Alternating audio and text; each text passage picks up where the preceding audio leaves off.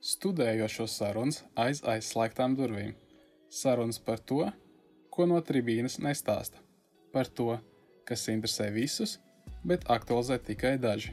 Visi par un pret, iespējas, kļūdas, viedokļi un fakti. Klausies, un esi zirgā. Čau visiem! Pirmajā nepajāja garām podkāstu epizodē. Gribētu teikt, ka tā ir zīmīga diena, jo gal galā pirmā epizode. Un, uh, mans vārds ir Nikola uh, šodien esam aicinājuši divus viesus, Āri Birzi un Arkādiju Zvaigzni. Labdien! Kā jums šodien klājas? Labi. Ražīgi īstenībā. Vai jūs esat jau sajutuši pavasari? Laikam, jā, jā, jā. Es, es, es, es domāju, ka jā, patiesībā sakot, nu, Es ceru, ka kādreiz kā, šo kāds skatīsies gadus vēlāk un domās, kāpēc viņi visi ir maskās un kāpēc šis izstāsta tik dīvaini. Bet, jā, uh, sēžot maisēdē, uh, esmu tagad tik pa laikam atvēris logu un tad es dzirdu, kā putni čivina. Tas ir, man liekas, maksimāli, cik es varu pavasarī pagaidām dabūt. Jā, es uh, vakar laikam piefiksēju, ka varētu būt pavasars, jo, jo maikā izskrēja pakaļ pusdienām. Tas, tā, tas kaut ko nozīmē. Okay. Jā, nu, zinu, kā nomainīt ziemas jakas. Jā. Jā, man arī, uh, man arī tā pats liekas. Jā. Tad nu, nevilksim vairāk garumā un atklāsim, kāpēc tieši jūs esat šeit un par ko mēs runāsim. Šodien mēs mēģināsim parunāt par paplašināt bišķiņā perspektīvas, apskatīt dažādas iespējas, lai nokļūtu tur, kur katrs sevi iztēlojamies nākotnē. Un būtībā kādi ir plusi, mīnusi studējot un kādi nestudējot. Uh, bet pirms ķeramies klāt, vērsim pie ragiem. Es domāju, vajadzētu nedaudz vairāk iepazīties. Un tad, uh, kā jau jūs dzirdējāt, es šodien neesmu viena pati. Un uh, tad arī runājot par pašizaugsmi, tevi varētu saukt par tādu kaislīgu entuziastu un ar pamatīgu pieredzi. Tu esi organizējis, un vadījis un konsultējis neskaitāms projekts tieši par pašizaugsmi, ko vēl joprojām dari, un kā arī vadi izaugsmes kafejnīcu Speak Easy. Un, manuprāt, tāda odziņa ir tā, ka es arī uzrakstīju divas grāmatas. Ne, nebaidies un pabeidz iesākto. Vai tev ir vēl kas, ko tu vēlētos papildināt? Jā, trešā grāmata - prokrastinē gudri. ja neskait to. Jā. Uh, un mūsu otrais viesis, Arkādijs, uh, Arkādija, piedod, bet es nevaru nesākt ar uh, tavu Twitter aprakstu, kurš saka, ka tu esi augstākās izglītības nūģis. Un uh, nevar īsti jau nepiekrist, jo tavās īpašumā ir uh, trīs diplomi, un uh, viens ir arī uh, ceļā Harvardā. Uh, vai plāno vēl kādas augstskolas apmeklēt? Es domāju, ka nē. Es, es, es, kaut kad arī vakarā sēdēju un domāju par to, ka man liekas, man izglītības karjera ir jau kādi septiņi gadi. Un uh, vēl man šī doktorantūra, kas uh, Uh, Amerikā atšķirībā no Latvijas ir 5 līdz 6. Es domāju, ka tad, kad man šis viss beigsies, domāju, ka man būs gana un, uh, un varbūt arī vajadzētu zināšanas uh, sāk, sākt vēl aktīvāk pielietot. Nu, mainīs sabiedrību. Cerams, cerams. Varbūt tā sāksim ar to, um, kā jums pašiem liekas, vai kāda arī jums bija pieredze. Uh, jūs pabeidzāt uh, vidusskolu, un tad kā hops, ok, es zināšu. Uh, ko darīt tālāk un uh, kurš ir tas mans ceļš dzīvē tālāk. Okay. Ah, labi, tu man kaut kā visu laiku tādu zem vilcienu sliedēm. Uh, bet jā, jā, patiesībā man bija tā, ka uh, es pabeidzu vidusskolu, un tad zināju to, ka es, uh, ka es gribēju studēt uh, ekonomiku. Uh, tikko arī uh, uz studijām arī ārzemē, bet ārzemēs, bet sapratu to, ka pareitināja to summu, kas uh, kopumā izmaksās man gan dzīvošana, gan, gan visas studijas. Sapratu, ka varbūt kaut kā es nejūtos, ka tas varētu būt tā vērts. Un uh, pieteicos studijām Latvijā. Uh, pieteicos uh, uz Zviedru augstskolu Rīgā, uh, ekonomikas. Uh, tur es netiku. Un tad es gāju uz uh, RSU ekonomiem. Jo man tā doma bija tāda, ka es, es biju pārliecināts, to, ka man ekonomika ir tas, kas man rītīgi interesē. Uh, izstudēju to, pēc tam gāju uz maģistrantūru uzņēmējdarbības vadīšanā. Un tad maģistrantūras pēdējā kursā sapratu, ka pavisam man šis galīgi neinteresē. Es gribu mainīt uh, savu jomu uh, uz to, ar ko es reāli esmu strādājis uh, ilgus gadus, kas ir izglītība. Un uh, tad es uh, ir, nu, pieteicos studijām ārvalstīs. Uh, uh, tiku uz maģistrantūru, kur uh, ironiskā kārtā būtu izmaksājis man uh, vienā gadā tikpat daudz, cik man būtu tas uh, bakalaurs uh, ārzemēs, uz kuru es neaizbraucu. Un tad es tā padomāju, sapratu, labi, tas ir tā vērts. Un, jā, pabeidzu to un tad tika doktorantūrā. Ok, Arī. No, labs. ļoti labi, ka tu sāki. Tu man atgādināji par vienu lietu, ko es mēģināju divreiz, bet tā arī nepabeidzu. Ir um, arī pēc vidusskolas Mm, bija iespēja, bija doma uz Southamptonu, arī uz Angliju braukt un studēt kaut kas ar mārketingu, kaut kas baigi interesē tajā laikā. Un bija kaut kādi kursi, uz kuriem bija jāiet, lai kārtot kaut kādas eksāmenes, un tad beigās viņi sāka runāt par cipariem. Es tieši tāpat kā es domāju, jo cik es tur savu minimālo algu, kas tur bija kaut kāds 160, 180 latu mēnesī. Nu, nebija no kurienes citur arī pasmelties naudu tajā laikā. Es arī nezināju, ka ir tāda opcija, ka 18, 19 gados drīkst pelnīt. Neviens nepateica to. Un, uh, Un es atceros, atliku vienreiz, un gāju otrreiz to pašu, un es arī otrreiz atliku. Bet es paņēmu paralēli ris, Risēbai, bija kuldīga. Es pat kuldīgā dzīvoju, bija uzņēmē, uzņēmē darbība un vadība vai kaut kas tāda, tāda veida kurs bija neklātienē divus gadus tur uh, mocījos. Un mocījos vienkārši tāpēc, ka es laikam, nu, es īsti nes, es nesapratu, kā to, ko mācās, var pielietot realitātē. Un beigās aizbraucu vienkārši dzīvot uz Vāciju. Tad vēl divus gadus pamocījos. Un, uh, tad es tā kā Vācijā iemācījos ciest, iemācījos Vācijas disciplīnu. Un tad, tas atkal tas, ko es sāku pielietot, kad es sāku meklēt jautājumus uz izglītību kā tādu. Un, uh, tad es atvedu līdz, piemēram, līdz Speakeasy, kur es esmu tagad jau pēdējos četrus gadus, un ir bijis tur Indijas un kaut kas pa vidu. Un, uh, tad bija viens posms, kad man nu, tagadējais arī uzņēmuma partneris Mārtiņš, kurš visu studēja RSU medicīnu. Tagad Mārtiņš Stirruts, kā es pačakot viņu. Un, uh, viņš tagad jau kā ārsts Norvēģijā strādā. Viņš ir Norvēģis. Un viņš ko teica? Viņš teica, Āri, kā es nesaprotu, tas ir jauns, gudrs, apģērbīgs džeks. Kā, kāpēc kāpēc viņš izglītību nevar pabeigt? Kā, nu, kas tas ir? Un, un šis, tas viņa izaicinājums, ko viņš iemet, un tas man iedzēla. Jo es, kā, jo es domāju, nu, kur, kā, nu, es pēdējos daudz esmu izlasījis par izaugsmu, es to visu saprotu, un domāju, kāda jēga vēl kaut ko tur mācīties. Un tad, skatoties uz, uz visu klāstu, es domāju, nu, ko, ko vēl varētu paņemt klāt. Un, uh, man liekas, ka psihologi vienmēr ir mīkstie. Un, uh, Daļai gan jau, ka man ir taisnība, bet es nezināju, ka man tas interesē. Un tad es beigās kā, tomēr, starp RSU un LU izvēlējos to, kas ir mazliet vieglāks. LU. Un es aizgāju studēt tur, jo es biju dzirdējis, ka RSU ir pārāk akadēmiski, gan, nu, gan draugs gājis, jau gan Mārtiņš vispārējie. Un kad tur ir nenormāli jāzubrās, un tas manam dzīves stilam galīgi nederēja. Tāpēc es aizgāju uz LU, un man tas ļoti atbilst. Patīk, un tur tāpat arī finišēšu bakalaura savēju. Un, Un esmu tikai īstenībā priecīgs, ka, piemēram, 28 gadu vecumā izdomāju, ok, ne, tomēr jāmēģina vēlreiz tas viss. Ir. Tas ir ļoti papildina zināšanas, kā tāda. Vispār zinātnē vienkārši atvērusi īstenībā tādu skatījumu uz tādu psiholoģijas jomu kā tādu cilvēkiem. Tas jā. negaidīts pavērsiens pašam bija. Tas īstenībā nebija domājis, ka es vairs studēšu tikai nu, 20, gadu, 28 gadu vecumā. Tas uh, vajadzēja vēl pastudēt. Tas ir arī tā interesanta lieta, ka, liekas, kas ir Latvijā forši. Nu, ņemot vērā to, ka mums izglītība ir relatīvi lēta, tas, ka cilvēks var arī atļauties vienkārši mainīt to visu profesiju. Skatoties Jā. arī uh, kaut kādā, piemēram, ASV, nu, nereti cilvēki vienkārši uh, bez mazliet piespiež sev pas, pabeigt, jo viņi saprot, ka viņiem ir kaut kāda tur vairāk desmit tūkstoši parāds uz kakla, un ja tu, ja tu izkrīti, tad tas parāds paliks, bet tev diploms nebūs. Nu, tas pats partneris, man Martins, viņam no Norvēģijas atbrauc te, viņam ir nu, minimums 60,000 kredīts, lai vispār apmaksātu RSU studijas. Piemēram. Un tagad viņš ar saviem 60 tūkstošiem dabūja atbraukt atpakaļ uz Norvēģiju. Tagad viņam ir jāstrādā apmēram 15 gadu, lai atmaksātu to. Un viņam vēl klāt bija plus viņa izmaksas. Kā, tas, kā, tas ir milzīgs cipars. Tu beigās jau to 100 tūkstoši. Tāpat kā Amerikā, būtībā tev ir jau pirmais. Pir, pirmie 20 dzīves gadi tev ir skaidrs, ka tev jāstrādā tālāk. Nu jā, problēma ir tāda, ka ja tu saprati beigās, ka zini, šis tomēr nav man. Nu. Jā, tas nepaveicās. Es domāju, daudz arī vienkārši šādā gadījumā paliek pie savas izvēlētās profesijas tikai tāpēc, vien, ka ir nu, tas drošākais variants. Tas paliek. Mm. Jo ir jau riskanti ņemt kaut ko rikošetēt. Nu, nē, es tomēr mm. īstenībā gribu iet citā virzienā, un tāpēc paņemšu vēl vienu 100 tūkstošu parādu. Jā, bet, piemēram, kā jums liekas, tas, vai tu 18 gados uzreiz kā pabeidzot universitāti, ne, bet vidusskolu, 18 gadu, nu, vidējais vecums plus mīnus. Uh, Un tad tev vienā dienā ir jāizlemj, ko es gribu darīt nākotnē savējo. Vai tas ir tomēr tāds viegls lēmums, vai, vai tas nāk tā, vai, vai kā, kā atrast kaut kādas vadlīnijas tam?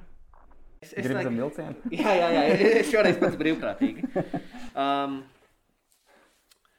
es patiesībā domāju uh, tad, kad man bija intervija arī uz doktorantūru vairākās iestādēs, tas, ko viņi intervijā, ko viņi ļoti mēģina saprast, ir, ka uh, nu, ASV doktorantūra tāda ļoti īpatna lieta, ka, lai gan viņi to maksā stipendiju, tomēr nu, tā ir tāda bezmazliet minimālā alga.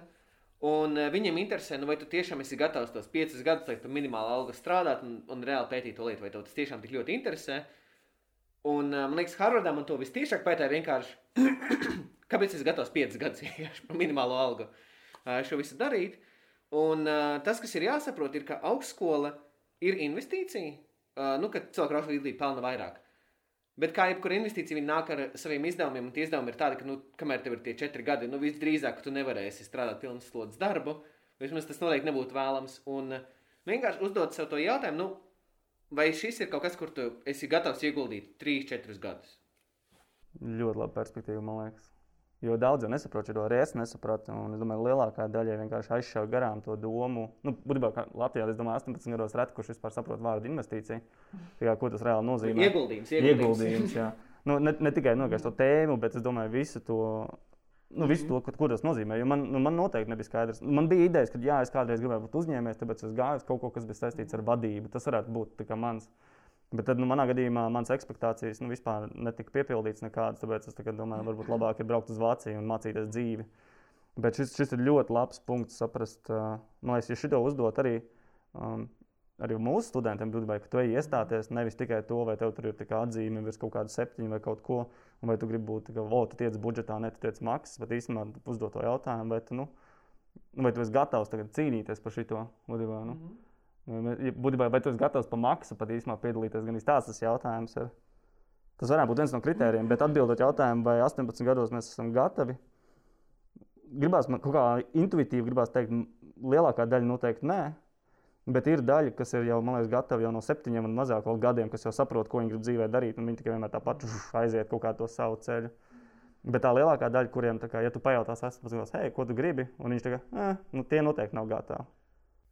Bet es gribētu arī šo papildināt to, ka ir otra svarīga lieta, kas ir, pat ja tu jūti, ka neesi gatavs, nu, tad vienkārši nezinu, uzmet monētu un vienkārši ej kaut kādā virzienā. ja man liekas, tas, kas ir svarīgi, ir tas, ka tu nestāv uz vietas, bet, nu, ja tu pat ja tu nezini, kur iet, tad vismaz vienkārši ej.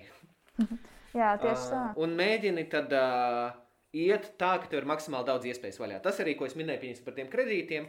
Nu, ja tu īsti nezini, kur tu gribi iet vai ko tu gribi darīt, nu, varbūt Labi, tu man gan jau RSU nolinčos, neej uz RSU zobārstiem un nemaksā tās tos milzīgos tūkstošus par to. Jā. Nu, jā, nu, protams, maksāt daudz naudas nav baigi. Nav, nav baigi.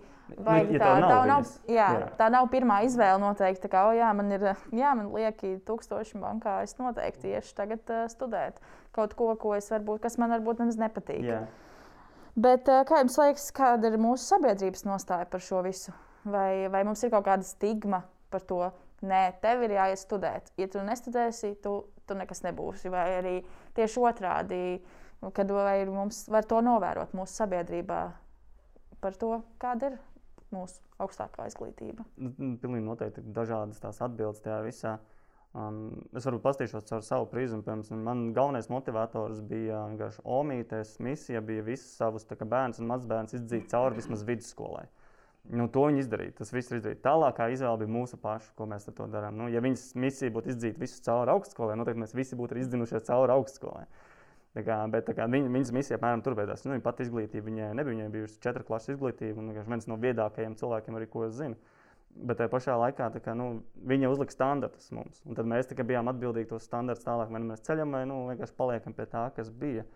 Bet, uh, nu, Man, man patīk tas skatījums, ko es sapratu nu, pirms pašiem pāris gadiem studējot psiholoģiju. Es vienkārši uzdevu sev jautājumu, nu, kāda ir jēga man no tā. Nu, es vienkārši domāju, kāda jēga no tā, ka es tagad esmu tur trīs gadus investējis, ok, es, es dabūšu papildus informācijas, iepazīšos vēl tur nu, vidēji vēl četriem iedzīgiem profesoriem, nu, kas savā tēmā kaut ko saprot, ok, ir daži kontakti. Un tad no turienes būs vēl kaut kādi 4, 5 labi kursbiedri, kuriem nu, būs nākotnē.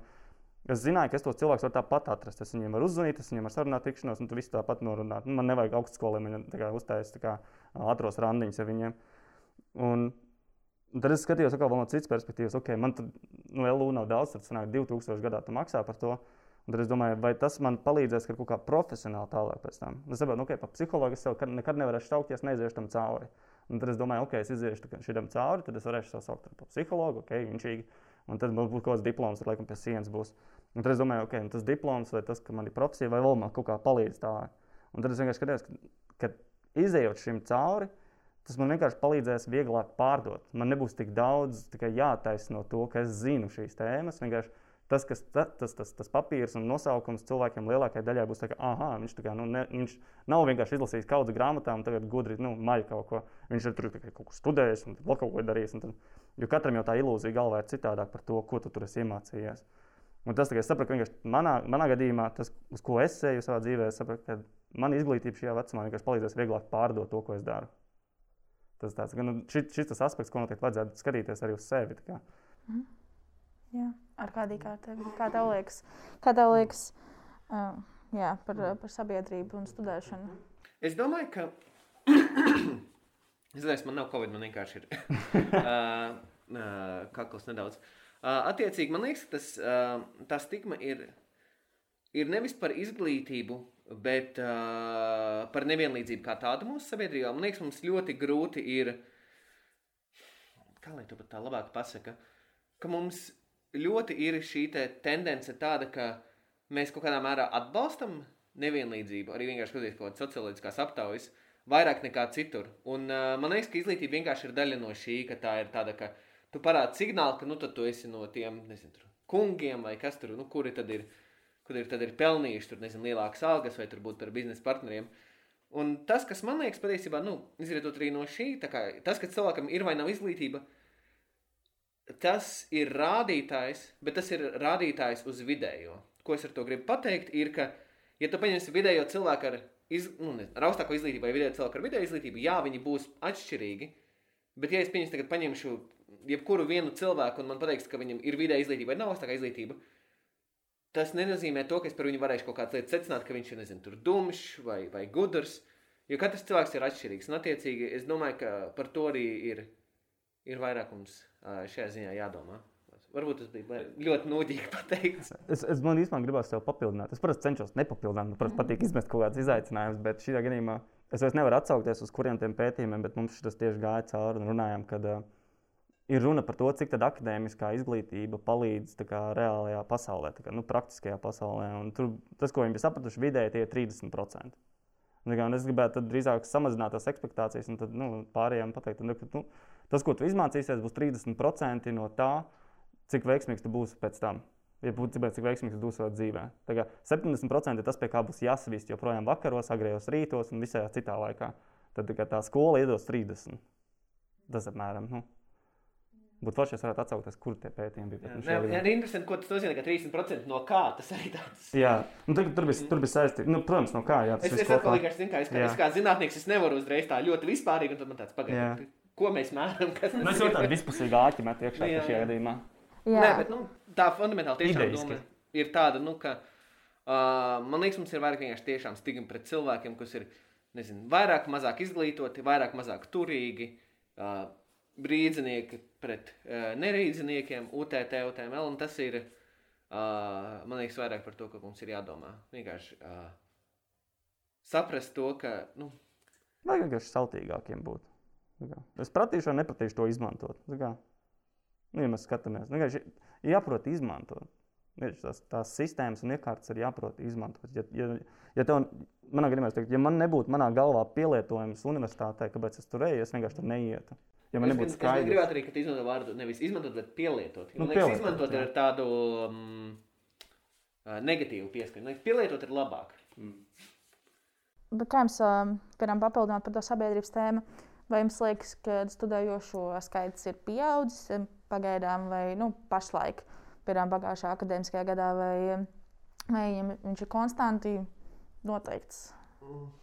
Vai, nu, es tieši par Latviju kopumā domāju. Jūs domājat, šajā Covid laikā? Nē, vis, nu, vispārībā Aha. mūsdienās, tagad, uh.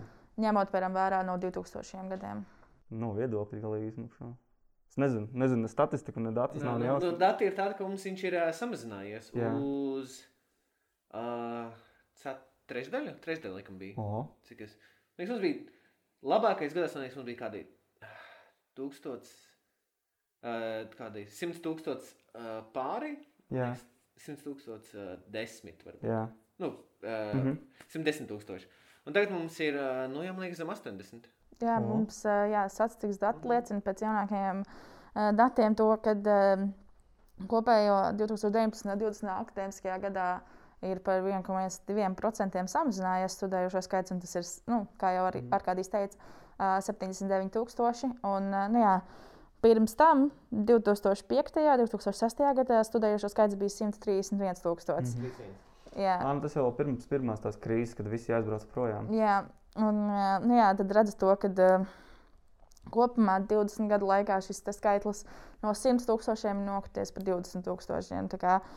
Uh, jā, ko, Dramatiski. ko jūs par to domājat vispār?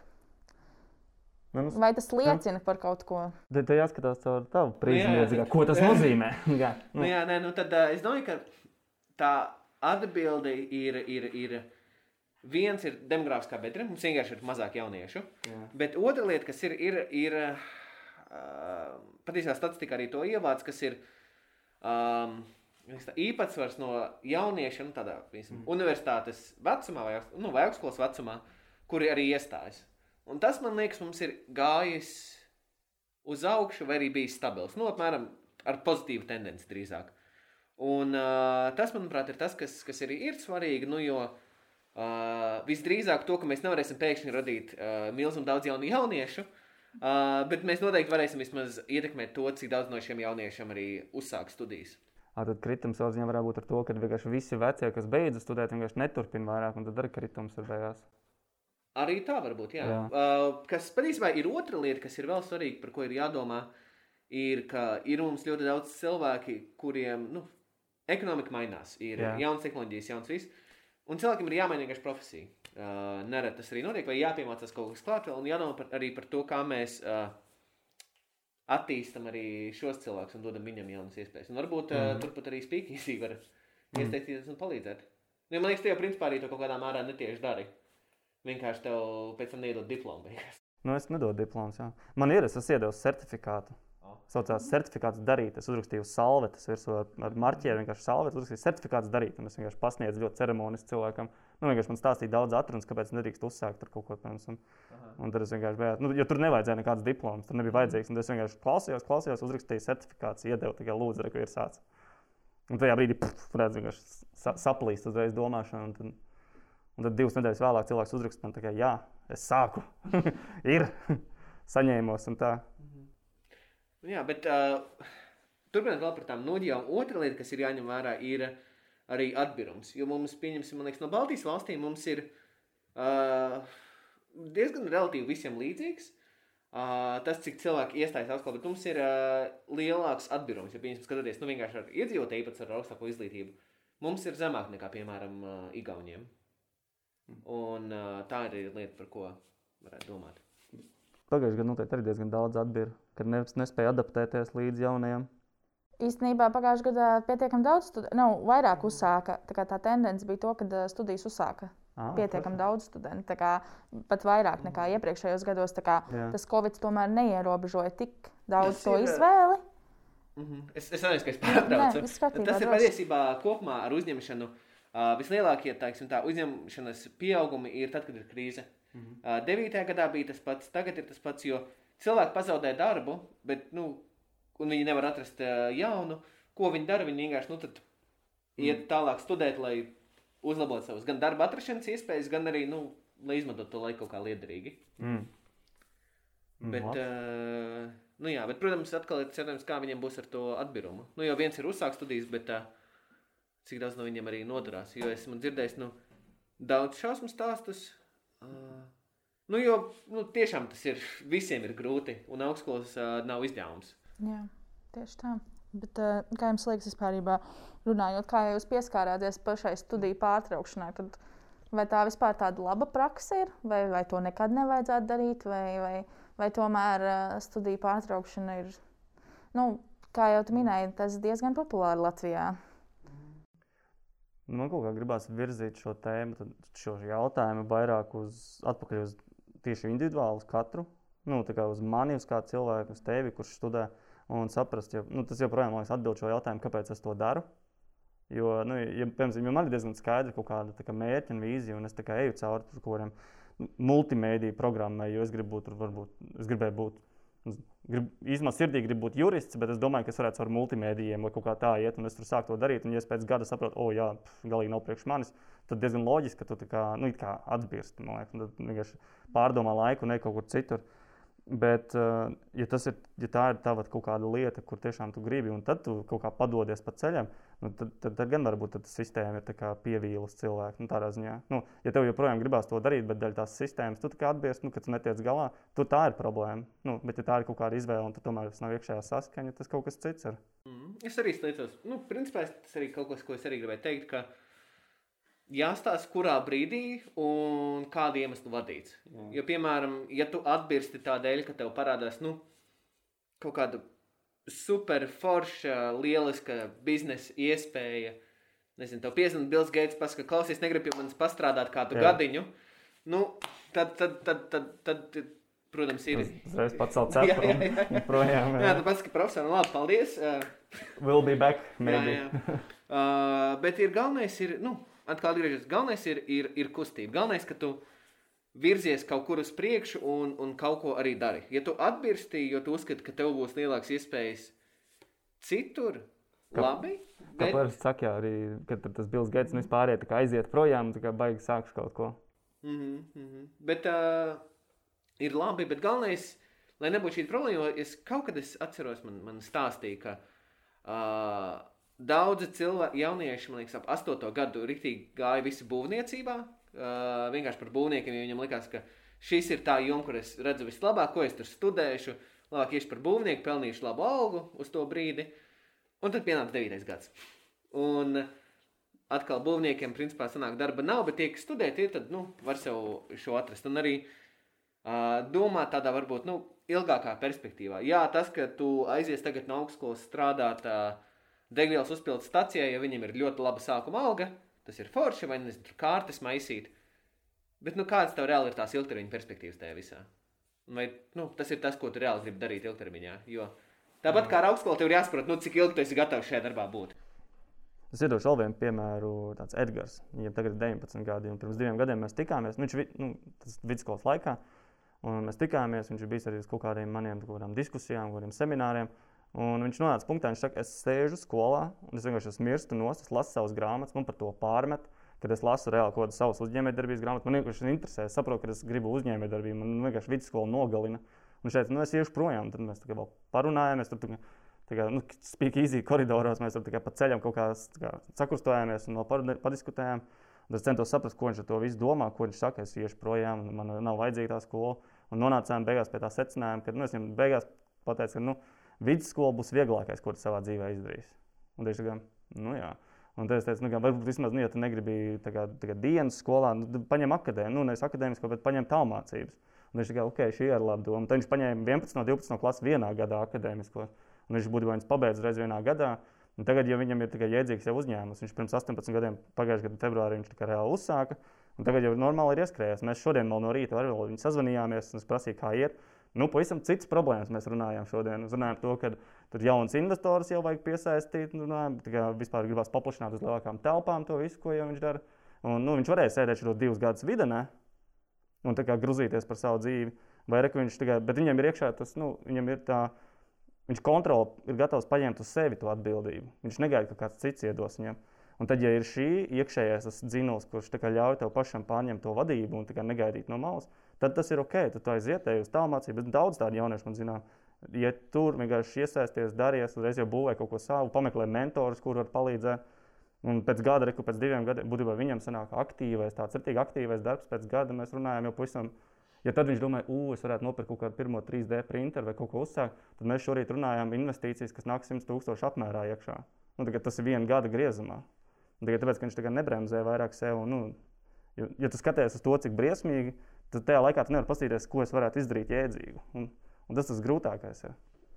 Bet nu, nav visiem iekšā šī tas, kontrols lokus, ja nu, nav iekšā šī, šī atbildības izjūta, ka esmu gatavs sisties kaut kam cauri. Nu, par to ir runa. Tāds. Nu, Tur runājot par tiem, par tiem atbildumiem un tā. Jā. Uh, jā, es tieši kā tu pieskāries to, ka tu parunājies to Edgars un tā tālāk. Es domāju, uh, vai, vai nav tā, ka to tās tavas nākotnes iespējas, domāju, ietekmē ļoti tavu līdzcilvēku, tie, kas tev ir blakus, tie ģimene, draugi. Kad ja viņi redz to, ka vienam izdodas, tad ok, labi, man arī izdosies. Vai arī, vai arī tieši tā, kāds kaut ko nedaudz bremzē, un tad tāds, ah, nu, laikam, studijas arī nav priekš manis. Vai, vai, vai kā? Ārkārtīgi, ārkārtīgi. Uh, gan tiešā, gan netiešā veidā. Uh, viens ir, protams, tas, ka vienkārši redzi, kā, ka, ka tevi draugi vai viņi bremzē vai kaut ko. Cits ir pieņems, nu, kaut vai ģimeniski. Uh, viens ir, uh, nu, vien, nu, to mēs arī redzam ļoti skaidri statistikā, ja tev vecāki ir ar augstāku izglītību, tev ir ļoti liela iespēja, ka tev arī būs. Uh, iemesli tam ir dažādi. Uh, tas var notikt, nu, pieņemsim, trī, trīs veidi, bet ir noteikti vēl viens. Ir tas, ka viņi iziet, ka viņi ir augstāki izglītīgi, viņi ir turīgāki, viņi var, pat ja tu nezini, tur skolā buksē, viņi var nolīgt tev privātu skolotāju, viņi var to atļauties. Tev būs labāks centralizēta eksāmenu atzīmes, tev lielāka iespēja, ka tiec augstskolā. Pat ja tu varbūt netiec uz budžetu, Viņi ir gatavi par to samaksāt. Vai viņi ir gatavi paši ar tevi sēdēt un tev mācīt, jo viņi ir tam visam gājuši cauri. Gan arī viņi vienkārši ar tevi runās un teiks, ka augstskola ir kaut kas, kas ir svarīgs, kas tev ir vajadzīgs. Līdzīgā mērā arī draugi. Un tādēļ es teiktu, ka tam ir ārkārtīgi, ārkārtīgi liela ietekme.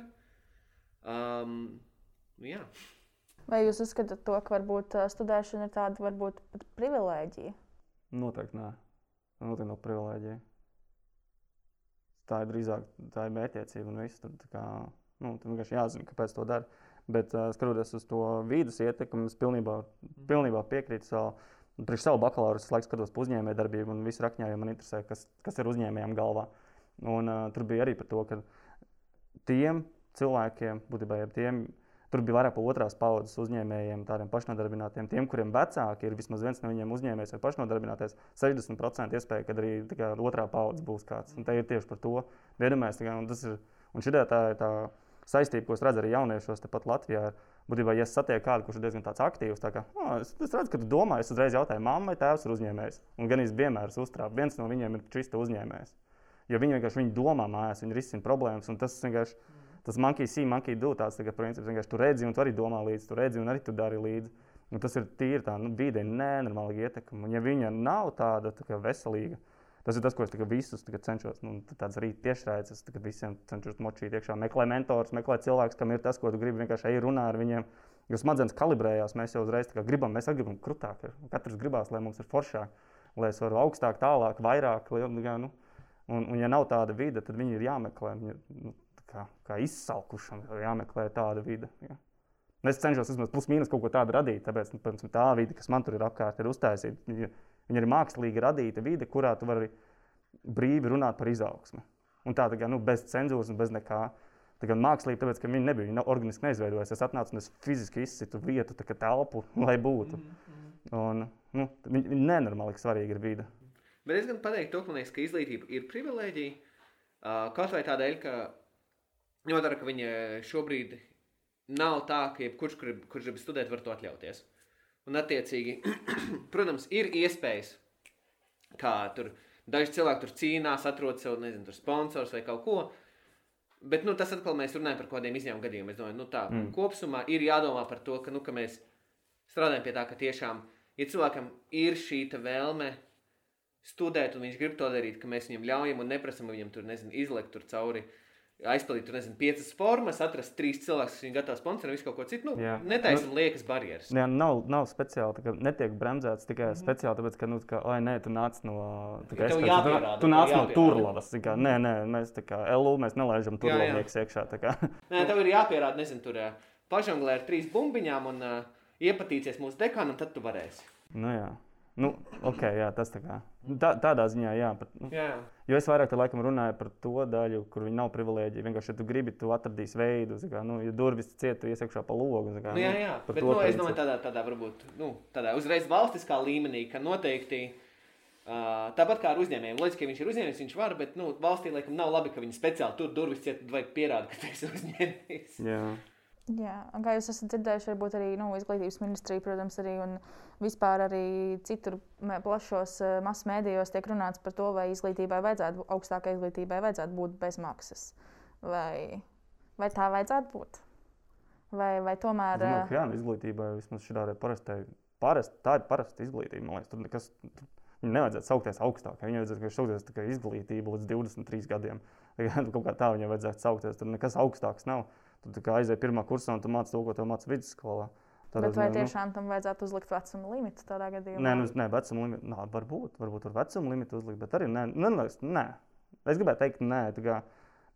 Mēs tikai kā sabiedrība pilnīgi noteikti iegūtu, ja cilvēki brīvprātīgi iet cauri teoriju iespēju, ej mācīties, kamēr tu vari izmācīties. Un, un tad arī paralēli jau tā, tāpat būs. Nu, gan jāstrādā, gan jādomā, kā būt aktu, aktīvam arī pārējās jomās.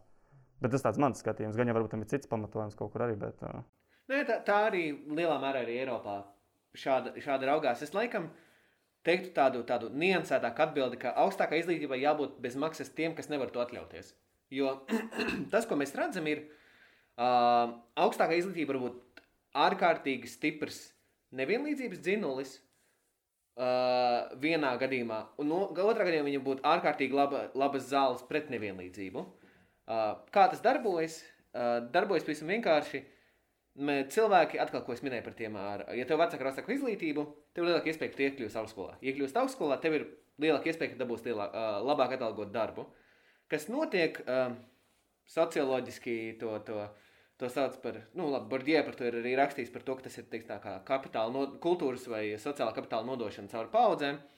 Doma ir tāda, ka uh, sanāk, ka primāri studē tie, kuri jau ir no turīgām ģimenēm. Un, ja tu tagad iedod visiem bez maksas, tas nozīmē to, ka tu principā ļauj tiem, kuri var atļauties par to maksāt, ka vienkārši no viņiem neprasīja šo summu. Savukārt tas, kas būtu loģiski, ir, ka tu vairāk modini cilvēkus, kuri visvairāk varētu iegūt no šīs augstākās izglītības, kur varbūt nav no tik turīgām ģimenēm, ļauj viņiem studēt par brīvu, un tie, kuri var atļauties, nu tie lai lūdzu maksā. Es, te, es noteikti kaut kur to samānīšos, un es nosaukšu šo vienkārši šī ir metāfora. Laikam tā, bet kaut kur Bet es lasīju šo laikam principu, neatceros, kurā valstī, varbūt Somijā pat bija, kur, kur ir aizliegtas privātās augstskolas vai kaut kas tāds. Ja tā kā, un, Iespējams, sešos grāmatus, tad šo var norakstīt vienkārši uz ideju. Mm -hmm. Kur dēļ tā, ka, piemēram, aizliedz maksas augstskolas, dēļ tā ir cilvēki, kuri ir izglītotāki kā, nu, no, tiksim, no augstākiem mm -hmm. slāņiem. Viņi savā brīdī saprot, ej, no manas bērnas ar to atšķirās kaut kāda lēta izglītība. Tāpēc viņi iesaistās izglītības veidošanā, lai beigās visiem ir pieejama augstākas kvalitātes izglītība. Nu, Šis tāds man liekas, ka... ir patiesībā ļoti interesants piemērs, jo um, tas, kas ir, kad, nu, kad ir bezmaksas izglītība, ir, tas nozīmē to, ka valstī ir jāfinansē tā atbilstošā līmenī. Un Somijā tā problēma ir tāda, ka viņiem valsts nav bijis spējīga noturēt līdzi pieprasījumu, un attiecīgi viņiem vidējais vecums, kurā cilvēki iekļūst augstskolā, ir 24 gadi. Mm. Lai gan viņi pieskās no 18, jo viņiem vienkārši nepietiek vietu. Mm. Un tad tā ir atkal problēma. Nu, no otra gala, ka, ja mēs esam šobrīd runājam par tādu pieprasījumu pusi, nu, kad cilvēki ja radām pieprasījumu pēc augstākās izglītības UTT, tad viņiem ir problēma tāda, ka viņiem nav tā piedāvājuma, ka viņiem vienkārši. Ja būtu tev privātās, nu, tas, kas arī notiek Latvijā, mm. labi, varbūt, nezinu, LU tur beidzas vietas, cilvēki var iet uz turību vai risebu, studēt tur. Mm -hmm. Un, nu, tā ir veids, kā tu kā palielini kapacitāti. Kā ir pieprasījums, labi, ļaujam to darīt. Protams, Jā. ir jā, jānodrošina kvalitāte. Mm -hmm. Bet nu, šī ir tā, tā nu, problēma, kas arī rodas. Šis gads ir pierādījis, ka nodrošināt kvalitāti ir ļoti relatīvs jēdziens, jo mēs visi sēžam pie mhm. vieniem, nu, varbūt ekrāna kvalitāte datoram atšķirās, bet uh, būtībā mēs visi sēžam un mācāmies pilnīgi no vienādas kvalitātes. Vienīgais pasniedzējs varbūt kāds kaut kā citādāks. Tagad būtībā Tie, tie pašā Somijā vai vienalga, tur, ko RSU, LU. Kā, nu, kāda šķirba? Vienkārši, ka tev ir labs pasniedzējs un pieķer klāt 20,000 studentus. Lai skatās. À, bet nē, nē, tur ir atšķirība. Gan. Ir, un tā ir atšķirība starp tiešai studijiem, ka tev ir 30 cilvēki un 2000 studenti. Jā. Tāda, ka tev ir 30 pasniedzējs, var individuāli ar studentiem runāt, un viņš var veidot diskusijas stundu ietvaros. Kad tev ir 2000, tu īsti tā vairs nevari darīt. Tā tev vairāk, nu, tas ir kā Programma ir jāmaina, protams. Tajā brīdī ir uzreiz jāmāk kā, lielākām grupām menedžēt. Ir jāspēj viņus sadalīt mazās darba grupās, kurās joprojām fokusējās uz. Nu, jā, nu, tas, ir, tas ir cits menedžments. Jā. Tā kvalitāte vairs nav uzreiz tā, un to mēs arī redzam. Nu, pat tagad, atskat, neskatoties uz to, ka ir eh, viss tiešsaistē, cilvēki tāpat labāk aiziet uh, un piesakās kaut kādām studijām uz augstskolām, nevis uz korseru. Mm -hmm. Un tā ir tā atšķirība starp augstskolu un korseru. Ir tas, korsera vai edeks vai vienalga jūsu mīļākā tiešsaistes kursa platforma. Viņa ir tiešsaistē, un viņi tur taisa, protams, diskusijas grupas, viņiem ir fórumi, bet tas tomēr nav tas pats, kas ir augstskola. Mm. Protams, tur ir vēl citi faktori, kas pieņemsim tas, ka tās platformas parasti nepiešķir uh, diplomas, uh, bet nu, kopumā ir, ir atšķirības starp uh, tā, tā sauktiem masīviem atvērtiem kursiem un, un vienkārši tiešsaistes kursiem. Jo man liekas, ka mm -hmm. Cilvēki jau arī tagad pieņemsim, es nezinu, cik daudz cilvēku skatās tagad LO Open Minded, jo man liekas, ka viņam jau arī ir tagad tie visi tiešsaistes uh, tādi tieši masīvie kursi. Nezinu, tur ir maksas, man liekas. Nu, jā, bet nu, tur tā maksa, man liekas, tāda nu, simboliska. Nu, lielākā ceļā cilvēkiem, jebkura cipara noliks priekšā, tas būs tikai. Nu, tiem, kuriem do... šis, te bija tas paradoks, ka sen dzirdēju, um, ir tāds amerikāņu populārs speakers, Tonijs Robins. Viņš, mm. viņš tieši par šo runāja. Viņš teica, tiem, kuriem vajag man materiālu, viņi neklausās viņu. Un tad, kad es uzlieku samaksu, viņi kā, vēl pēc tam kā, un vēl tas par to jāmaksā, un es noteikti neklausos. Un viņš saka, tas paradoks, ka būtībā ir tie cilvēki, kuriem vajadzētu dzirdēt, viņi tāpat neņems to informāciju. Ne, viņi atradīs iemeslu, kāpēc nē. Bet kā, tiem, kuriem to īsti vairs nevajag, viņiem tas ir papildus tonusam, viņi ir gatavi arī maksāt par to visu. Un tad tas, te, tas mazliet tāds tā kā kaut kāds domāšanas kļūdas paradoks laikam arī. Jā. Man patīk tas, ka jūs tā organiski pārgājāt uz nākamo jautājumu, jo es tieši gribēju uzdot, kā jums liekas, vai, vai studiju kvalitāte šobrīd ir optimāli laba, vai, vai tomēr viņa ir ļoti, ļoti kritusies? Tieši, tie, tieši attālinātajās mm -hmm. studijās. Uh, es teiktu, ka uh, visdrīzāk kritusies, jo vienkārši tiešsaistē nav tas pats, kas, uh, kas klātienē. Uh, jo tiešām tad, kad ir klātienē, gan pasniedzējs labāk uh, uh, pasniedz, jo viņš var redzēt, nu, principā vienkārši pat, kad tu runā ar cilvēkiem, ja tu redzi viņu sejas, tu redzi, kā viņi reaģē, tu vari labāk pielāgot savu saturu. Un tad, kad tev ir pat tie cilvēki, ir ieslēguši kameras, tu nekad nezini, vai tas, ka viņi tagad pasmaida, ir tā, ka tu kaut ko ne tā pateici, vai tā, ka viņam, nezinu, tur telefonā draugs atsūtīja smieklīgi bildīti.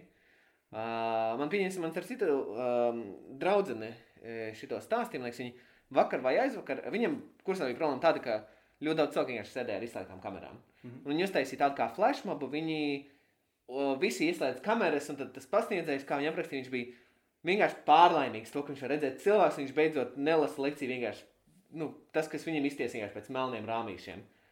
Un cik es sapratu, tad arī viņa nu, kvalitāte uzreiz attiecīgi no tā uzlabojas, jo, nu, nu loģiski ir, ir atšķirīgi tad, kad vienkārši runā ar kaut ko, nezinu, amorfu, melno masu vai tur vēl runā ar cilvēkiem. Mēs run, tieši diskutējām ar vienu, nu, vienu no pasniedzējiem, bet viņi, viņai ir ļoti liela pieredze vispār organizēšanā, visādi liela izmēra pasākumos. Un viņš to dēvēja kā runāt kapiņos. Tu kā aizej uz kapsētu, un viss, ko tu redzi, ir vārds, uzvārds. Tad, kā, tas ir kā runāt kapos, tā sajūta, kā viņi teica. Man šis aizķēries, viņš man ļoti patīk. Bet uh, es joprojām es gribētu atbildību uzgrūst vēl vairāk virsū tieši uz pasniedzējiem, cik cilvēks lēni adaptējās. Neviens, gan arī reti, kurš no viņiem ir Google pameklējis, kā veiksmīgāk novadīt online lekciju. Reti, kurš pameklējis, ko nozīmē rūmus uztaisīt un iedot pašiem studentiem diskusijas taisīt. Un šeit ir daudz, tagad, ir tie daži, kas to dara, un viņi ir tik malači, un viņi, viņi notur. Jo man ir pasniedzēji, kurus, kuriem viss visi sabirst iekšā studijās. Visi ir viņa klasēs, un visi klausās, un visi iesaistās. Un ir tādi, kuriem vienkārši uzliek fonā, un tu aizēji būtībā projām. Un, gan, uz ko tad to norakstīs? Būtu no, norakstīt beigās uz to, ka nu, cilvēks nav investējis laiku. Viņš, piemēram, es pasniedzēju, es, es garantēju, ka es veltītu laiku katru reizi domājot par to, ja tu, ja tu nāc uz to klases, mm -hmm. es veltītu laiku, lai saprastu, kā man ir jāizdara, lai tu saproti. Un lielākā daļa to nedara, jo mēs jau esam slinki palikuši klasēs. Izmantojot vienkārši savu autoritāti, to fenomenu, vienkārši to aizēju nostājos priekšā, te es esmu, klausieties, man ir informācija, audio grāmatas. Es to saucu par audio grāmatām. Mm Kā, nu, Tikpat labi varēja vienkārši iedot man failiņu MP3, un es pastaigas laikā varēju noklausīties tavu lekciju. Nu, es diezgan kritiski skatos uz vispār pasniegšanu kā tādu. Jo, ja, ja mēs nemācāmies pasniegt, nav nekāda šķirba, bet iedos klasi vai iedos online klasi. Tāpat, nu, mm -hmm. abos gadījumos cilvēks, vienā gadījumā vismaz es, piemēram, man ļoti patīk šis attālinātais, jo es varu, es varu samiksēt. Es paralēli strādāju pie kaut kā, klausos, ok, labi, iesaistos, labi, es pameklēju kaut kādu informāciju. Kaut gan es tāpat arī sēdēju klasē, man bija līdzi komps, un es kaut ko menedžēju starpā. Tāds manam dzīves stilam tas ļoti labi, kā man ir ok. Bet bieži, kad uzdod jautājumus, kā tagad ir studēt, man tāds, šis varbūt nepatiks, varbūt LU, bet man, tās, man bija zemes expectācijas, un tās ir piepildītas. Tas tas tas kā. Okay. Nē, es, es, es, es saprotu. Uh... Ja man būtu augstas, es būtu vīlies. Tā tādā ziņā. Jā. Nē, nu, arī, arī man, arī Harvardā mums bija tā, ka mums universitāte, nu labi, mūsu fakultāte jūnijā nolēma, ka viss nākamais gads būs tiešais, tad vienkārši viņi vasarā uh, strādāja uz to, lai, uh, lai ierakstītu lekcijas. Es saprotu, ka arī uh, RSU, ka principā kaut kas līdzīgs arī notika. Jā.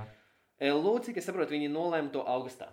Jā. Attiecīgi, nu, gatavošanās. Bet otra lieta, kas, kas LU varbūt aiznākošais izdevums. Es Nē, bet, ne, bet viena lieta, kas ir, kas ir svarīga, tomēr šo pieminēt, uh, ir, ir, ir tas, ka mm, liekas, Latvijas augstākajā izglītībā ļoti lielā mērā ir tas, ka tu dabū to, par ko tu maksā. Un, nu, nu, ņemot vērā to, cik, cik vai mēs, vai nu valsts iegulda, un cik vidējs profesors pelna, jā, viņi nepasniedz labi, bet par tādu summu es nevaru, es tā kā nejūtos, zini, kā arī, arī labs uh, par to pārmest. Tas tā kā tu aizēji, nezinu, kaut kādā uh, pie autoostas nopirkt sev kaut kādu belešu, samaksā par to vienu eiro, un tad saprot, ak, nē, viņš nav kvalitatīvs. Jā, Nē, nu šis joprojām tas, jā, tas, tas ir misijas darbs. Nekā citādāk to nevar nosaukt. Tas ir tīrākais misijas darbs. Tas Jā. ir, bet, bet, tā, bet tam tā nevajag būt. Tas nav, nu, tas, Tas ir cits jautājums. tam, tam, tā nevajag būt, skaidrs. Būtu būt jau forši, kad visi viņi būtu rītīgi priecīgi par dzīvi. Un, ja viņiem jautā, kā tev iet, ļoti jauki. Es esmu pēdējo visu nedēļu domājis, kā savai klasē pasniegt šo tēmu pavisam citādāk. Būtu stilīgi, ja šo teiktu kāds, bet nu, reti kurš saka. Man ļoti patīk, mums tāda neiropsiholoģijas, tā kā tieši ir Edmunds Vanaks. Viņš man arī ir bakalaura vadītājs. Viņš, nu, viņš ir ļoti labs, viņam vienmēr viss ir pilns, viņam visu laiku cilvēki nāk, un viņi klausās. Un viņš arī pateica, ka nu, viņam tur tieši par tām kamerām, būtībā viņš, par, viņš saka, man mājās slikts internets, neslēdziet iekšā kameras. Viņš tikai, nu, jo tad viņam karās mums tur sistēma. Nu, vi- viņam ir ok, pieņemsim tas. Bet viņam ir pavisam cits veids, kā viņš mācās. Mums ir uzreiz case studijas, mēs strādājam ar case studiju. Mēs uzreiz tik runājam un meklējam, mēs diskutējam. Nepamanām, kā divas stundas palidojam, pēc tam mēs vēlreiz diskutējam ar viņu kopā. Un tajā brīdī mēs iemācāmies. Bet, ja, ja viņš vienkārši kā atnāk un norunāt kaut ko par tukšu, nu, mums visiem aizšauja nu, nē, garām. nē, nu, es, es, jau, es jau neaizstāvu. Es vienkārši skaidroju par šo es, te. es, šo tik- te es dodu lietu. piemērus. Ah, ok, Jā. super. Un, Es un vienkārši. skaņu izsaku tā, kā- nē, es vienkārši esmu dzirdējis šausmīgas lietas par to, ka saka, ah, nu, re, kur jūs te slikti mācāt, nu, mēs jums pat vispār vairāk naudu nedosim. Es vienkārši kaut kad šonadēļ, man liekas, lasīju ziņās par to, ka uh, Igaunijā pedagogi prasa, ka viņiem minimāla alga jāpalielina no 1300 līdz 1500 eiro. Jā. Un tad es aizdomājos par to, cik. Uh, Bet ko tas baigi mainīs, tie 200 eiro? nē, nu, Tas cilvēks paņems vēl vienu kredītu un atkal notērēs tos 200 ekstra. Jā, jā, jā, protams, notērēs protams. nost, un viņš atkal mums vajag no 500 uz 800 pacelt. Nu, labi, ok, nu, pacels tos un atkal iztērēs. Tur problēma jau bija cita tajā visā. Arī. Ne, nu, privāts stundas viņam jāņem. Ir. Tas varbūt palīdzētu. aha. Ja, mēs, ja, tev, ja pie tevis neviens nenāk uz privātstundām, kā pie pasniedzēja, mm. tas ir kaut ko pateiks par tavu pasniegšanas mākslu. Jā, protams. Nu, kā, Ja neviens nav gatavs maksāt papildus par to, es esmu pāris, pāris profesoriem, es esmu gatavs. Tikai, ja man vajadzēs, es esmu gatavs iet un pat maksāt par to, kā viņi mācīja. Jo es zinu, ka viņi ir rubīgi un ka viņi man spēs iemācīt. Bet lielākā daļa kā nepaldies, es labāk tikai pasēdēšu ar kursēru vai Google vai kaut ko citu. kā. Tas jau attiecas uz jebkuru specialitāti. Kā, jebkuram, jebkurš, jebkurš, man liekas, tāds profesionāls nākotnē, ja viņš studē kaut ko, viņš Jā. Vēlas būt vienkārši labs speciālists. Nu, ja viņam ir tā apziņa tāda. Un parasti pie jebkura laba speciālista tev vienmēr būs vienmēr jāgaida. Pamāc vēl bišķiņu, pastāst vēl bišķiņu, vai varētu vēl sarunāt par to konsultāciju. Tieši tā, tieši tā. Uh, varbūt tās um, nedaudz pamainīsim par to, ar kādī tev ir bijusi pieredze gan Latvijā, gan ārzemēs. Kā tev liekas, labāk studēt ir ārzemēs vai Latvijā? Tas ir sodīts. Tu Es nozad- godīgs. Nē, man, man vienkārši ir tāda, tāds cits jautājums. Ārzemēs vai Latvijā? Un tagad ir jautājums par to, kas ir ārzemes. Vai ārzemes ir salīdzinu es, piemēram, Stradīņu universitāti ar Amerikas FLīgas iestādēm, vai es paņemu Latviju ar tādu vidējo ārzemju valsti, kas varētu atrasties apmēram kaut kur pie vidus jūras. Uh, nu, ka, ka, kas, kas šajā ziņā varbūt ir ārzemes? Nu, es domāju, nu, pieņemsim, paņemsim to pašu Stradiņu universitāti, salīdzinot vai jebkuru citu Latvijas universitāti, kas teikt, ir parastā Latvijas universitāte vai Mhm. uh, Latvijas universitāte, RSU, RTU, kāda no šīm universitātēm, salīdzinot ar uh, tādu pašu aptuveni bāzes, uh, uh, bāzes universitāti citās valstīs. Uh, Nu, vairāk es domāju no tāda viedokļa. Piemēram, tas pats uh, 18-gadīgais cilvēciņš mhm. uh, tagad domā, es braukšu studēt uz Angliju, jo tur ir forši. Uh, nē, es nebraukšu. Es tomēr braukšu uz Portugāli, jo tur man patīk labāk. Uh, vai tomēr es palikšu mājās. Okay, jā, uh, es teiktu, ka vidēji salīdzinot, uh, labāk viņam būs studēt Anglijā vai ASV. Bet viņš tur arī maksās piecreiz vairāk. piecreiz vairāk. Viņam tur var būt nu, tiks, nav, divreiz, trīsreiz labāk, bet nu, viņš arī četreiz, piecreiz vairāk maksās. Uh, jo tas, kas ir arī jāņem vērā, ko es, kas man patīk, par ko man jautā, nu, kad Latvija uztaisīs savu Hārvardu, Hārvardas universitātes fonds viņā, viņa summa ir lielāka par Latvijas IKP. Tā ir lieta, kas ir, mums ir jāapzinās par to, ka, nu, ja, mē, ja mēs nezinu, neiekarojam Igauniju un nepadarām visu valstu par vienu lielu universitāti, nu, mums tas ir vienkārši, tas ir absolūti pilnīgi citas summas. Un tas ir tiešām, nu, kas ir jāsaprot, ir, ka var skatīties, protams, uz, uz, uz to, kas ir pieņemts, bet nu, ir jāsaprot, nu, kā, cik mēs arī resursus liekam šajā visā. Es, protams, zinu, to, ka izglītības nozara visiem ir apriebusies ar to, ka mums saka, ka mums tur maz resursu un to visu, bet, nu, nu, bet, nu bez tā nekur citur nevar. Un uh, Anglijā arī pieņems, nu, kur vidējā maksa ir 9000 mārciņu gadā, nu, to arī, to arī dabū to, par ko tu maksā. Attiecīgi, ja tu vari to atļauties, es teiktu, ka brauc, bet esi piesardzīgs ar to, ka uh, tev var pazust saikne ar Latviju. Un tev būs ļoti grūti atgriezties. Jā, ļoti man liekas, tāds interesants domāgrauds, jo bieži vien um, cilvēki pat par, par to varbūt neaizdomājas līdz galam. Vienkārši, ok, labi, aizbraukšu, tad jau redzēs, kaut kad jau atbraukšu atpakaļ. Vai arī, vai arī nemaz. Nē, nu, es, es nevēlos. Cilvēkam pārmest, nu, tā ir tāda uh, subjektīva izvēle. Cilvēks, cilvēkam ir tiesības uh, iet meklēt labāku dzīvi, bet, nu, ja mēs skatāmies tādā valstiskā līmenī, tas varbūt uh, ir lieta, par, par ko aizdomāties ir viena vien, vien doma, ko es gribētu palīdzēt. Viņš iegroz citā, iegrozīt citā par izglītību. Es nenokomentēšu, jo tavs komentārs man ļoti labi pateica. Bet par to, ka mums joprojām liekas, ka cilvēki uh, brauc atpakaļ. Tā kā, nu, laiks jau iet laikus priekšu. Nav tāda lieta, ka tu brauc atpakaļ. Es dzīvoju arī tāpat Vācijā trīs gadus, un man nebija tāda sajūta, o, es varētu braukt atpakaļ. Ja tu esi bijis iedzīgākā valstī, kur ir iedzīgāka struktūra un kur tu jūties īstenībā tīri ok, Nav jautājums, vai es gribētu braukt atpakaļ. Jautājums, uz kurienes tālāk gribu braukt. Un tad tajā kategorijā, ja tu noliec blakus, piemēram, es nolieku blakus tur ASV, es nolieku blakus, es biju domājis, tur varbūt Austrālija. Un tad tajā visā kā, bufetē, ko piedāvā pasaulē, kā, tur ir, ir Latvija kaut kur. Ir. Un tad tāds, ka, hmm, es tiešām diezgan laiku veltīju, cent, es centos saprast, kāpēc no visām kā, tas, ko pasaule piedāvā, lai es gribētu nu, braukt te.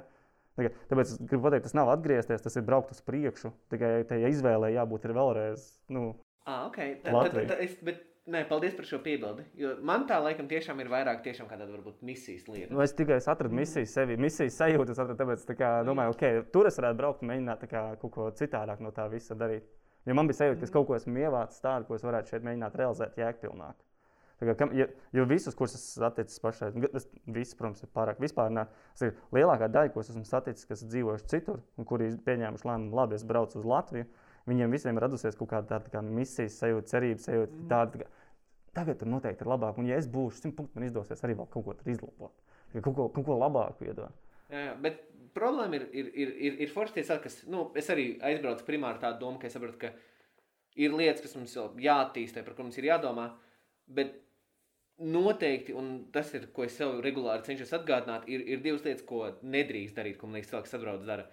Viens, nesāc mēģināt vienkārši pelnīt uz to, ka tu esi ārzemē Latvijas, atbrauc atpakaļ, nezinu, tagad visi te mani mīliet un dodiet man labi apmaksātus darbus. Jo man liekas, ir daudz cilvēku, kas atbrauc un kur domā, ka, ak, nē, man te tagad ir ļoti grūti kaut ko sev atrast, nu viss, nezinu, tur neizdevusies valsts, tur viss mm. vietējais kliķis man nepieņem UTT, UTML, lai gan tu vienkārši, nu, Tas tāpat kā jebkur citur. Ja es tagad aizbraukšu uz Angliju, pat ar savu Harvards diplomu, man nebūs tā uzreiz visdrīzāk viegli atrast kaut ko tādu. Beidzot, mēs tevi gaidījām. Jā, jā, jā. Messi atnācis. Jā. Un otra lieta ir necenties uh, iznīcināt to, kas jau ir uzbūvēts. Un tas ir atkal tā lieta, to, ka ir, ir daudz cilvēku, kas saprot, ka jā, ārzemēs ir labāk, atbrauksim šeit, viss te ir slikts, nezinu, tur, no, nezinu, tur visu apliesim ar, ar mēsliem, un tagad teiksim, ka rekur tur visur citur bija labāk, tas nepalīdz sistēmai attīstīties. Tev jābūt tiešām godīgi jāpasaka, rekur tur ir problēmas. Tur ir problēmas, rekur, kas ir jādara, lai to risinātu. Bet nevar vienkārši teikt, ka rekur nezinu, neizdevusies vai kaut kā citādi. Tā, tie vismaz ir tādi man iekšējie divi noteikumi, kas man liekas ir, ko es cenšos nu, pats sev ievērot. Jā. Paldies jums! Karjeras centrs piedāvā plašas atbalsta iespējas, lai studējošos motivētu tiekties pēc mērķiem, palīdzētu rast atbildes uz dažādiem ar karjeras vai studiju izvēles saistītiem jautājumiem, kā arī sniegtu psiholoģisko palīdzību. Vairāk uzzini, ejot uz RSU.CLV sadaļa studiju iespējas.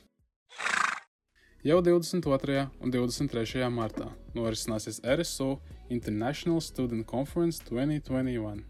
Šogad konference norisināsies tiešsaistes režīmā, bet tas nelieks studentiem piedalīties vairāk kā 20 darbnīcās, plenārsēdēs un prezentēt te 400 pētnieciskos darbus gan veselības, gan sociālajās zinātnēs. Sako līdz aktuālajiem isc.rsu.lv. 10. aprīlī tiešsaistē norisināsies pavasara akadēmiskais seminārs. Seminārā runāsim par to, ko vēlējāmies kaut zinātu studiju sākumā, kā arī būs iespēja uzzināt to, kā ievadu studijās redz cilvēki no dažādiem skatu punktiem. Um, mēs jau tā nedaudz uh, tuvojamies tādam noslēgumam. Varbūt jums ir uh, vēl kas, uh, ko jūs vēlaties pieminēt, pateikt, ko jūs varbūt nepateicāt līdz šim. Es varbūt no savas puses sāku. Pagājušajā gadā es taisīju ļoti daudz interviju, kas saucās līderu kodu meklējot. Un uh, es intervēju cilvēkus, kuri plus mīnus skaitās kategorijā, o, oh, viņi ir izdarījuši lietas, kuras ir vērts, kā nu, viņi kaut kur iz, izcēlušies kaut kādā ziņā. Un es viņiem uzdevu tos jautājumus par to, par līderismu. Kas tev liekas, kas ir līderis? Un, un uh, kā tev liekas, kāpēc tev izdodas? Un, uh, un, un daudzi no viņiem atsaucās uz kaut ko tādu, nu, nav baigi izmērītais fenomens, bet kā, nu, intuīcija vai sirdsbalss. Un tas ir kaut kas tāds, ko nu, neviena akadēmiska izglītība īsti nemāca iemācīt ar ko acīm redzot, tā kā baigi nevar. Un, bet tas nozīmē, ka tas ir kaut kas tāds, kas pašiem ir jāmeklē, pašiem ir jākačā, un pašiem ir jāatklāj un jāattīsta. Un tas varbūt tas, ko es varētu no savas puses censties uzdot sev jautājumu, pagaidi, vai man tāda ir, vai man ir intuīcija un sirdsbalss. Ja man nav, varbūt vajadzētu uzskačāt, vajadzētu atrast, pameklēt, pastīties, kas tāda ir. Jo tas beigās ir tāda vienkārši tāda. Tā ir izjūta, kas kā, manā gadījumā tā man ir izjūta, kas man palīdz atrast virzienu, Tā, tā ir izjūta, kas man palīdz kaut kādā brīdī saprast, ok, es kaut ko nesaprotu, man te aprakņājās vairāk. Ir, tā ir izjūta, kas man vienkārši var dot absolūtu pārliecību vismaz tajā rajonā, pa kuras staigāju. Kā, un, tas ir tāds, ja, ja viņa nav, tad viņu vajag kačāt. Tas ir tas, kā, ko arī lielākā daļa cilvēku teica. Viņi ne visi ir krūtākie, un viņi bieži vienkārši nezina, kā viņi nokļuvuši. Tas man, tas man pārsteidz, ka daudz viņi nezina, kā viņi nokļuvuši tur, kur viņi nokļuvuši kad es viņam pasaku, kā, nu, var man nosaukt, kā pašrefleksijas, būtībā prasa pastāstīt, kā tu to būtu gatavs. Un, kā, ah, nu, es biju tur, satiku to, izdarīju to, aizgāju tur, un beigās esmu te. Un, kā, kā tur nokļūt, nu, es nezinu, sirdsbalss. Kā, tāpēc vajag viņu trenēt, un viņu vajag, nu, iekšēji priekš sevis, viņu vajag turēt godā. Kā, uzklausīt sevi un, un virzīties kā, attiecīgi, kur viņi ved. Bet ir baigi jāuzmanās, lai tas nav vienkārši kaut kādu uh, trendu, mārketinga, mēdīju ietekme. Tas, tas ir jāspēj atšifrēt, vai tā ir ārēji radīts impulss, kurš tev kā, kā virza, vai tas ir kā, nē, mans iekšējais tāds, ka nē, šis ir kaut kas nostiprināts, šis ir mans pārbaudīts. Un tad to bieži grūti atšķirt. Tas tāds tas no manas puses. Es arī gribētu, tieši tā ļoti labi atziņas, es arī gribētu papildināt to ar to, ka aicinu skatīties uz, uz uh, savu CV, savām prasmēm vispārējo kā tādiem uh, LEGO klucīšiem, ko jebkurā brīdī tu vari izjaukt un salikt pa jaunam citādi. Jo, piemēram, man tas bija, kad es mainīju no uh, ekonomikas uzņēmējdarbības uz izglītību. Es vienkārši paskatījos visu, ko esmu darījis, sapratu to, ka patiesībā profesionāli esmu darbojies augstākās izglītības sektorā, dažādos līmeņos. Un tad es principā vienkārši paņēmu, un kad es rakstīju motivācijas vēstules, vienkārši paņēmu. Un viss, ko esmu līdz šim darījis, ja iepriekš to vienmēr biju raudzies, nu, tādu, nu, ka rekurors kaut kad būšu, varbūt uzņēmējs, sadarbojušies ar augstskolām, citādi kaut kas. Uh, Tad vienkārši to paņēma, visu izjauca un salīku no jauna. Un tas ir pilnīgi ok, jo mēs neesam viendimensionāli cilvēki. Mēs esam uh, daudz un dažādi. Un, uh, tādēļ es vienkārši aicinu arī, arī, arī, arī domāt par to, ka, nu, kā tu vari sevi salikt no jauna vai kaut kā citādi pagriezt, citā gaismā, uh, lai vislabāk realizētu kaut kādas iespējas jā, tas laikam būtu iespējas. Tas būtu laikam tas vārds, ko es gribētu izmantot. Jā, paldies. Uh, īstenībā mums arī kaut kādā ziņā apslēpti arī bija tāds mērķis, nu, varbūt nu, kaut kādā ziņā parādīt to, ka studijas tomēr ir iespēja. Un, uh, vienkārši tas ir tas, vai, vai tu to gribi, vai tu to negribi, un vai tas tev ir nepieciešams. Un, uh, bet, nu jā. Uh, kopumā mēs jau tiešām tuvojamies finišam, bet pirms mēs beidzam, uh, man vēl ir uh, viena neliela rubrika uz ātriem jautājumiem. Nu, kopumā, uh, kopumā jūs varat atbildēt, uh, es nezinu pat kā labāk, vai jūs gribat atsevišķi, lai es uzdodu jums vienu un to pašu jautājumu, vai kopā es uzdodu vienu jautājumu un jūs tā kā atbildat. Nu, ja tas ir ātri, es domāju, ka uzreiz tad. Nu. Jo, bet vienkārši jūs varat censties atbildēt kā ar vienu vārdu uz to jautājumu, nu, vai, vai kaut kā, jā, katrā ziņā. Es uzdošu, un tad jūs skatāties, kā jums tur vieglāk sanāk. Um, labi. Uh, kas ir tava mīļākā vieta, kur tu labprāt pavadi laiku? Ķermenis. Ai, sorry. Nu. Ah. Tad varbūt tu sāksi pirmais, tad Ah, jā, jā Tad tu esi, tā, tu esi veidā. Uh, Vecrīga. savs ķermenis. Kāds ir uh, labākais paņēmiens, lai špikotu eksāmenā?